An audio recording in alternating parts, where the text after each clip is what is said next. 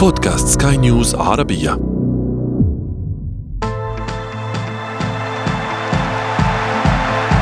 أثير الكرة.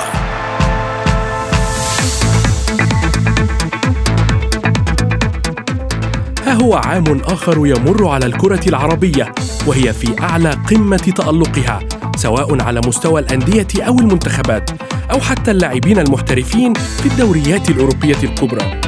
ففيه شاهدنا بطولات القارة السمراء تميل شمالا لعربها والكأس الآسيوية عادت إلى أحضان الجزيرة العربية. واليوم في أثير الكرة نناقش ونحلل أبرز محطات العام التي مرت بها الكرة العربية. معي أنا محمد عبد السلام ولكن دعونا أولا نبدأ من العناوين. للعام الثاني على التوالي الأندية العربية تتسيد إفريقيا والهلال يعود إلى عرش آسيا. 2021 عام تطور الكرة العربية محليا وقاريا. وفي فقرة ما لا تعرفونه عن كرة القدم نكشف لكم اللاعب العربي صاحب أعلى شرط جزائي في عقده على الإطلاق. أثير الكرة.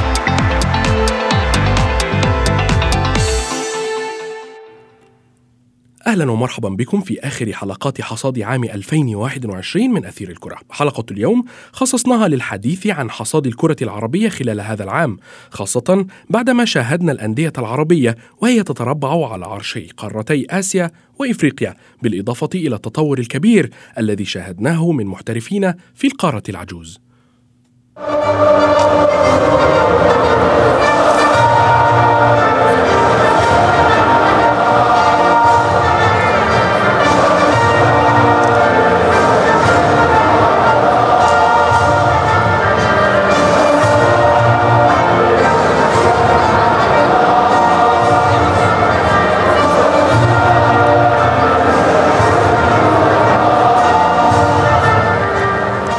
هذا العام بالتأكيد سيكون استثنائيا لعشاق ومحبي الكرة في العالم العربي خاصة أنهم شاهدوا وتابعوا واحدة من أكثر البطولات إثارة وتشويقا منذ عقود طويلة حتى إن العديد من المتابعين طالبوا بإقامتها بشكل دوري.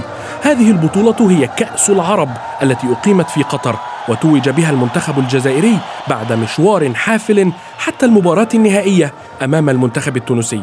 للحديث أكثر بشأن كأس العرب وأفضل ختام للمنتخبات العربية في العام 2021 ينضم إلينا الصحفي الرياضي يوسف الشاطر. مرحبا يوسف.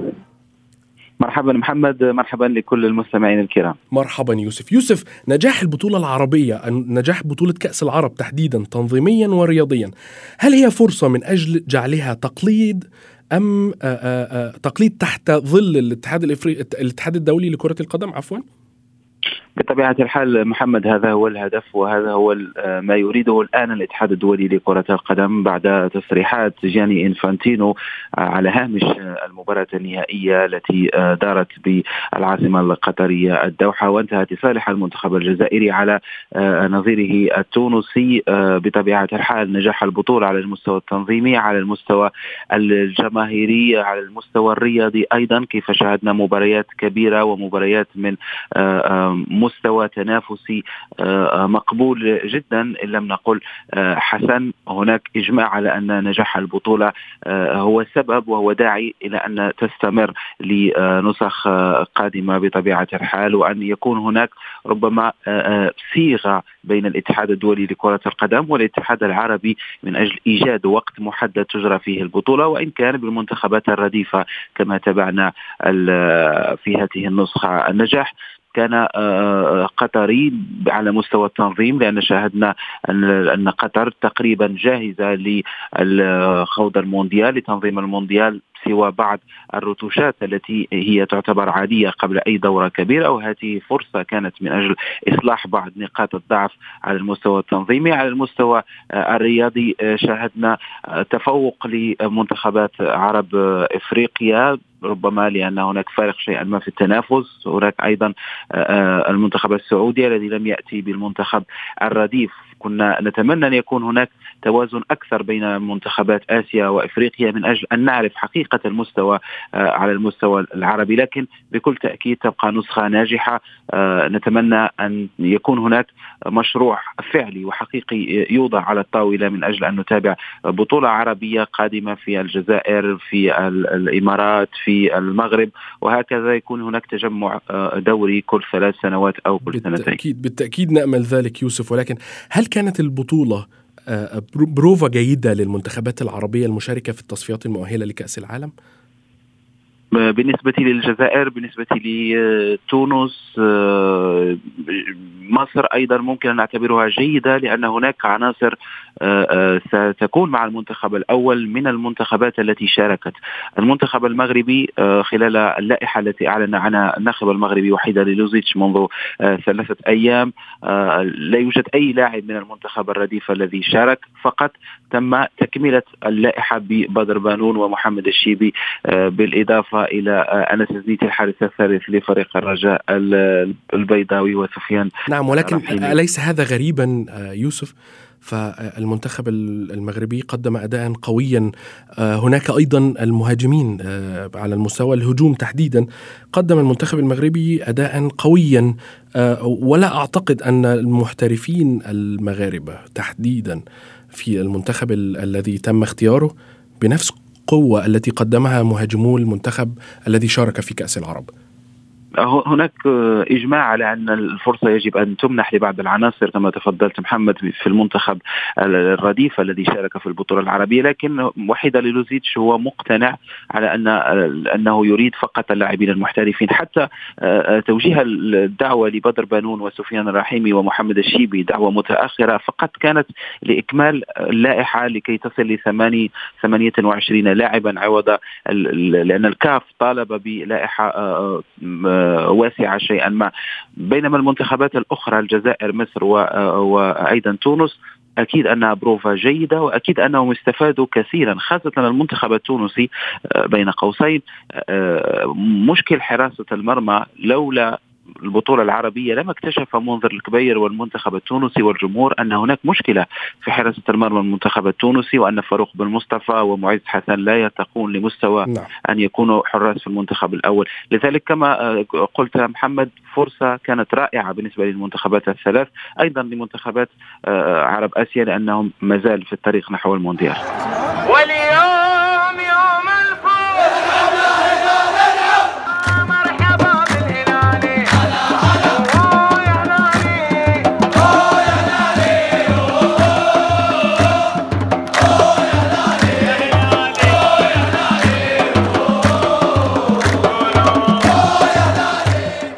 لم تقتصر الإنجازات العربية في كرة القدم عام 2021 على اقتراب العدد الأكبر من التأهل إلى كأس العالم فقط ولا في إثارة ومتعة كأس العرب فقط إنما تمثلت أيضا في هيمنة الأندية العربية على البطولات القارية إفريقيا وآسيويا. وللحديث أكثر بشأن إنجازات الأندية العربية في 2021 أكرر الترحيب بالصحفي الرياضي يوسف الشاطر وأرحب أيضا بالإعلام الرياضي بلال فواز الذي ينضم إلينا الآن. مرحبا بلال. تحياتي لك محمد ولكل المستمعين أيضا. بلال دعني أبدأ معك بما قاله يوسف في الجزء الأول من من الحلقة. يوسف قال أنه كان يتمنى أو يأمل أن تكون هناك خلال كأس العرب تحديدا هناك توازن أو توافق بين المنتخبات العربية الأسيوية والإفريقية ولكن هذا لم نشاهده. برأيك ما هو السبب؟ هذا كان سؤال ناقشناه من قبل ولكن في حلقة الحصاد أريد أن أسمع رأيك في هذا الموضوع. صح 100% هذا الموضوع. آه، الفرق كبير وواضح ما بين الأندية العربية الأندية الآسيوية أو المنتخبات الآسيوية والمنتخبات العربية. الفرق كبير. آه، لا شك أنه المستوى مستوى الفرق أو المنتخبات العربية مستوى عالي جدا عن المنتخبات الآسيوية. الفرق آه، بسبب ممكن الأندية أو اللاعبين الأفارقة معظمهم ينشأ في أوروبا. يعتمد على التربية الرياضية الأوروبية. ينشأ آه، نشأة رياضية منذ الصغر وينشأ حياة احترافية أيضا منذ الصغر. التكوين البدني للاعب الأفريقي مختلف كليا عن التكوين البدني للاعب الآسيوي. هذا التكوين آه، يجعل آه، يجعل هذا الفرق واضح ويجعل التفوق الآسيوي والفرصة للاعب الأفريقي اللاعب العربي الأفريقي والأفريقي بشكل عام أن يحترف في الخارج وأن يكون قريب من المستويات العالية. وهذا ما يعطي فرق واضح للأندية الأفريقية بالتفوق على الأندية الآسيوية وبالتالي التفوق العربية الأفريقية على المنتخبات العربية الآسيوية. نعم بلال. آه، ولكن آه، ماذا عن البنية التحتية للملاعب والاستادات الرياضية في في آسيا أفضل بكثير من إفريقيا؟ هناك أندية الأندية العربية في إفريقيا الشمال الأفريقية تحديدا عندما تذهب لمواجهة آه، أندية من موزمبيق أو غينيا لا يعني ليست كتلك الملاعب التي آه، يذهب إليها الهلال أو النصر أو الاتحاد إلى آه، آه، اليابان الصين ليست بالتأكيد ليست مثل هذه الملاعب. فالبنية التحتية الآسيوية أفضل بكثير من البنية التحتية الآسيوية. لماذا لا يستغل هذا الموضوع؟ آه هذا أكيد وهذا واضح والفرق كبير. إنما أنا كما ذكرت لك معظم المنتخبات العربية الأفريقية لاعبين يلعبوا في الخارج. ضمن بنية تحتية مميزة. أما ما تحدثنا عنه عن اللاعبين الذين يلعبون مع الأندية المحلية نعم لكن الفرق بشيء واحد فقط ال mentality. ال mentality عند اللاعب العربي مختلفة كليا عن ال mentality عند اللاعب الأفريقي. البنية التحتية شيء أساسي إنما شيء آه يكون معه إضافات أخرى لكي يكون هذا الفرق واضح. اليوم نشهد تطور التطور كبير عند الأندية الآسيوية أو البلدان الآسيوية إنما هذا التطور بحاجة أيضا إلى بعض السنوات وبحاجة إلى بعض الوقت لكي يأخذوا هذا المنتاليتي ولكي يكسروا هذا التفوق الكبير للأندية نعم. والمنتخبات العربية عن الأندية والمنتخبات الآسيوية. نعم دعني أخذ الحديث إلى الأندية. يوسف لماذا برأيك استمرت الأندية العربية على قمة بطولات إفريقيا للعام الثاني على التوالي وإلى ماذا يشير هذا الأمر؟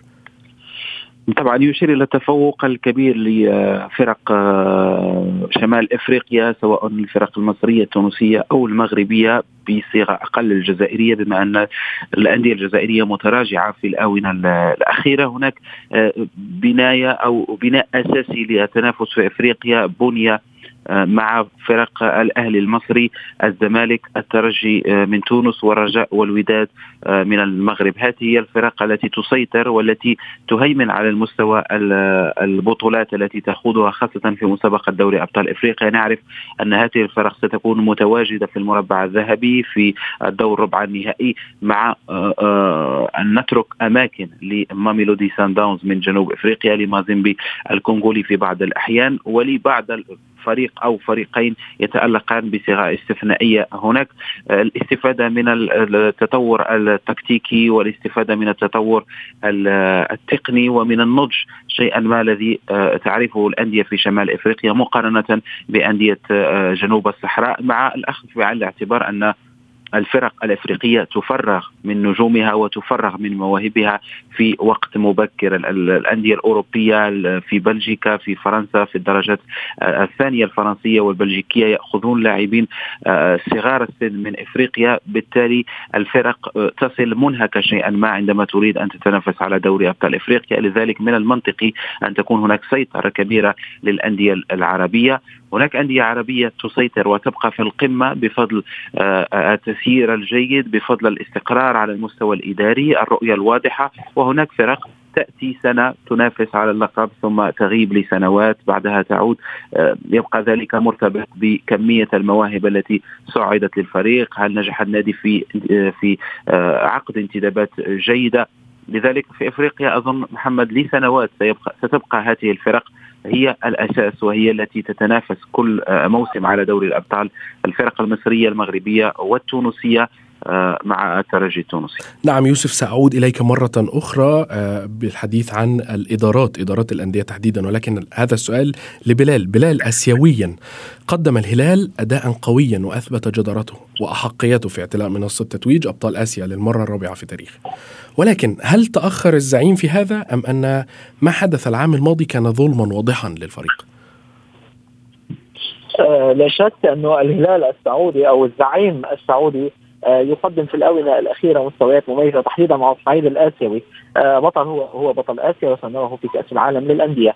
آه تأخر ممكن أن يكون تأخر إنما هذا التأخر آه فينا فينا نقول كان في مصلحته آه لأنه آه استطاع أن يبني فريقا منسجما ما بين الإدارة الفنية واللاعبين الأجانب الذين هم على مستوى عالي جدا. استطاع اللاعبون السعوديون وهو آه، إذا لاحظنا نقطة مهمة أن إدارة الهلال أو إدارة بعض الأندية السعودية تعتمد على اللاعبين الشباب أو تعتمد على التعاقد مع اللاعبين الشباب صغار السن لكي يكون لهم مستقبل. بالتالي كان هناك بعض اللاعبين اللي عمرهم كبير. آه، ممكن تكون يكون قد أخذ وقت ما بين الاندماج ما بين لاعبي الخبرة ولاعبي الشباب. إنما اليوم أو ما قدمه الهلال في آه، الموسم الماضي تحديدا آه، اسيويا يدرس ويثبت أنه فعلا الزعيم. التتويج هو الرابع. نعم إنما هذا التتويج ممكن كثيرا أن يلحقه تتويجات شرط أن يعاود أو أو يسترجع لاعبو الهلال مستواهم لأننا نرى اليوم هما في الدوري السعودي في المركز الرابع وبالتالي نشوة الانتصارات يمكن أن تكون مسيطرة على اللاعبين إنما عليهم أن يستعدوا قبل انطلاق بطولة كأس العالم للأندية لأنها فرصة لأن يثبتوا جدارتهم ويثبتوا أحقيتهم وتأهلهم خصوصا أننا سنرى أكثر من فريق عربي في كأس العالم. كأس العالم للأندية. نعم المقامة في دولة الإمارات بالطبع إن شاء الله. ولكن آه يوسف أعود إليك مرة أخرى بالحديث عن إدارات الأندية وتأثيرها. النجاحات المتتالية للنادي الأهلي تحديدا وأيضا آه يمكننا الحديث عن الرجاء البيضاوي المغربي. هل آه النجاح الذي حققه النادي الأهلي ونادي الرجاء يعود أو يمكننا أن نعيده إلى الاستقرار في الإدارة؟ وما تقوم به الإدارة حاليا؟ إدارتي الناديين؟ في آه، حالة الأهلي بكل تأكيد الاستقرار على المستوى الإداري يمنح الفريق الكثير من الميزات على جميع الأصعدة الانتخابات الوازنة الرؤية الواضحة التخطيط العلاقة الجيدة مع المدرب إعطاء المدرب الوقت من أجل أن يكون آه، آه، يعرف كل كبيرة وصغيرة متعلقة بالفريق. في حالة الأهلي بكل تأكيد تصور محمد أنا أتابع كرة القدم تقريبا لمدة 20 سنة لم أعرف أعرف في حياتي آه، للأهلي سوى رئيسين حسن حمدي والآن محمود الخطيب وفترة قصيرة لمحمود أبو آه، محمود طاهر نعم. محمود طاهر فترة قصيرة. يعني ثلاثة رؤساء للأهلي في عشرين سنة يعطيك رؤية واضحة أن, أن هذا الفريق لا يسير بطريقة عشوائية. ربما في حالة فريق الرجاء البيضاوي ويدفع الآن آه، ثمن غالي لسوء التسيير منذ مدة. الآن الرئيس تقريبا الخامس في آه، فترة لا تتجاوز آه، ثماني سنوات. هناك مشاكل كثيرة رغم النجاحات على المستوى الرياضي. الإدارة آه، قامت بتنحية مدرب تونسي لسعد الشابي الذي كان على فارق فارق نقطتين عن المتصدر وتوج بكأس الكونفدرالية الإفريقية وبكأس العرب للأندية على حساب الاتحاد السعودي. لكن الإدارة جاءت لكي تقيل هذا المدرب رغم أنه على المستوى الرياضي هو مدرب ناجح جدا. هنا محمد الفارق آه، ليس كل شيء مردود للاعبين ولأرضية الملعب. هناك أشياء يجب أن, أن آه، يشتغل عليها في الكواليس خاصة عند رئيس الفريق والإدارات. نعم بالتالي آه، دائما سواء الاستقرار أو عدم الاستقرار الإداري يؤثر بالتأكيد على على الفريق وأداء الفريق. بلال هل تعتقد أن عودة الجماهير وهي كانت أحد أبرز سمات هذا العام تحديدا هل عودة عودة الجماهير هي آه، آه، التي أعطت الحافز الأكبر للأندية العربية سواء الأندية في البطولات القارية أو حتى في لدى المنتخبات العربية في كأس العرب هل هي التي أدت إلى آه، تحفيز الأندية العربية في البطولات القارية وأدت أيضا إلى تألق المنتخبات العربية وأدائها القوي خلال كأس العرب؟ ليس فقط عند المنتخبات العربية والاتحادات الجماهير هو عصب كرة القدم محمد. نرى ما أوروبا من خلال آه، ذهاب أو غياب المشجعين عن المدرجات. آه، أي لاعب عندما يلعب كره قدم يلعب مدرجات قويه بالتالي لا يستطيع أن يعطي بنفس بنفس الفرص وبنفس الطريقة التي يعطيها أمام الجماهير. نعم الجماهير كان لها دور كبير جدا في عودة المنافسات وتشجيع إدارات واتحادات الأندية على العودة بهذا بهذا النسق بطولة البطوله العربية الأخيرة التي حدثت في قطر. أبرز دليل على ذلك النكهه كانت هي الجماهير الجماهير الموجودة تعطي اللاعب وتجبر اللاعبين على الإعطاء أكثر من 100% على أرض الملعب. لذلك يقال أن الجماهير ليست هي اللاعب الثاني عشر بل هي اللاعب الأول لكل الأندية التي تلعب على أرضها وبين جماهيرها. بلال بلال لضيق الوقت أريد إجابة سريعة على هذا السؤال. من هو النادي الأقوى والأكثر تاثيرا خلال عام 2021 من الأندية العربية؟ لا شك أن النادي الأهلي يعتبر آه، النادي العربي الأقوى. نعم. ولا ممكن ممكن أن يقارن حتى بأندية أوروبية وليس فقط أندية عربية. نعم بلال. هو الأبرز على الساحة العربية. بلال يوسف نفس السؤال. من هو النادي العربي الأكثر قوة وأكثر تاثيرا خلال العام 2021 الاهلي المصري دون شك محمد. اذا هناك اتفاق على أنه الأهلي المصري. شكرا جزيلا لكما. كنت معي الاعلام الرياضي بلال فواز وأيضا الصحفي الرياضي يوسف الشاطر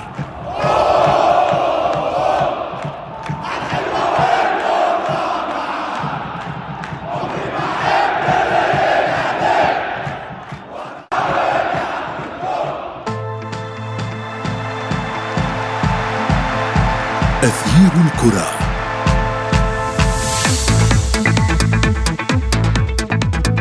تألق اللاعبين العرب كان محط أنظار الجميع في 2021 لكن لاعبا واحدا يملك في عقده شرطا جزائيا ضخما وصل إلى 200 مليون يورو. هذا اللاعب أو النجم تذكروا اسمه جيدا لأنه سيسطع في سماء اللعبة قريبا. حسب محللين بعدما خطف الأنظار هذا الموسم. هذا اللاعب هو المغربي عبد الصمد زلزولي الذي هاجر من المغرب إلى إسبانيا في عمر صغيرة وعاش في حي فقير قبل أن يوقع مع نادي إلشي في السابعة من عمره لكنه لم يقدم المستوى المرجو منه. ليتخلى عنه النادي عام 2016 بسبب ضعف لياقته وحسه التكتيكي. النجم المغربي الشاب ظهر بعدها في نادي إيركوليز المنتمي إلى الدرجة الثالثة الإسبانية ليخطف أنظار الكشافين في برشلونة ويوقع النادي الكتالوني عقدا مع الزلزولي قيمته مليوني يورو فقط بالإضافة إلى التوقيع على شرط جزائي ضخم وصل إلى 200 مليون يورو في حال رغب اللاعب فسخ تعاقده مع النادي. وجاءت إقالة المدرب الهولندي كومان على هيئة فرصة ذهبية للزلزولي فبعدها تغيرت حياة اللاعب المغربي اليافع ليصعد إلى الفريق الأول من قبل مدربه في الأكاديمية مباشرة قبل مجيء المدرب الجديد تشافي هرنانديز. بهذا نكون قد وصلنا إلى صفيرة النهاية من حلقة اليوم. انتظرونا في حلقات جديدة قادمة. كنت معكم أنا محمد عبد السلام. إلى اللقاء. تغيير الكرة.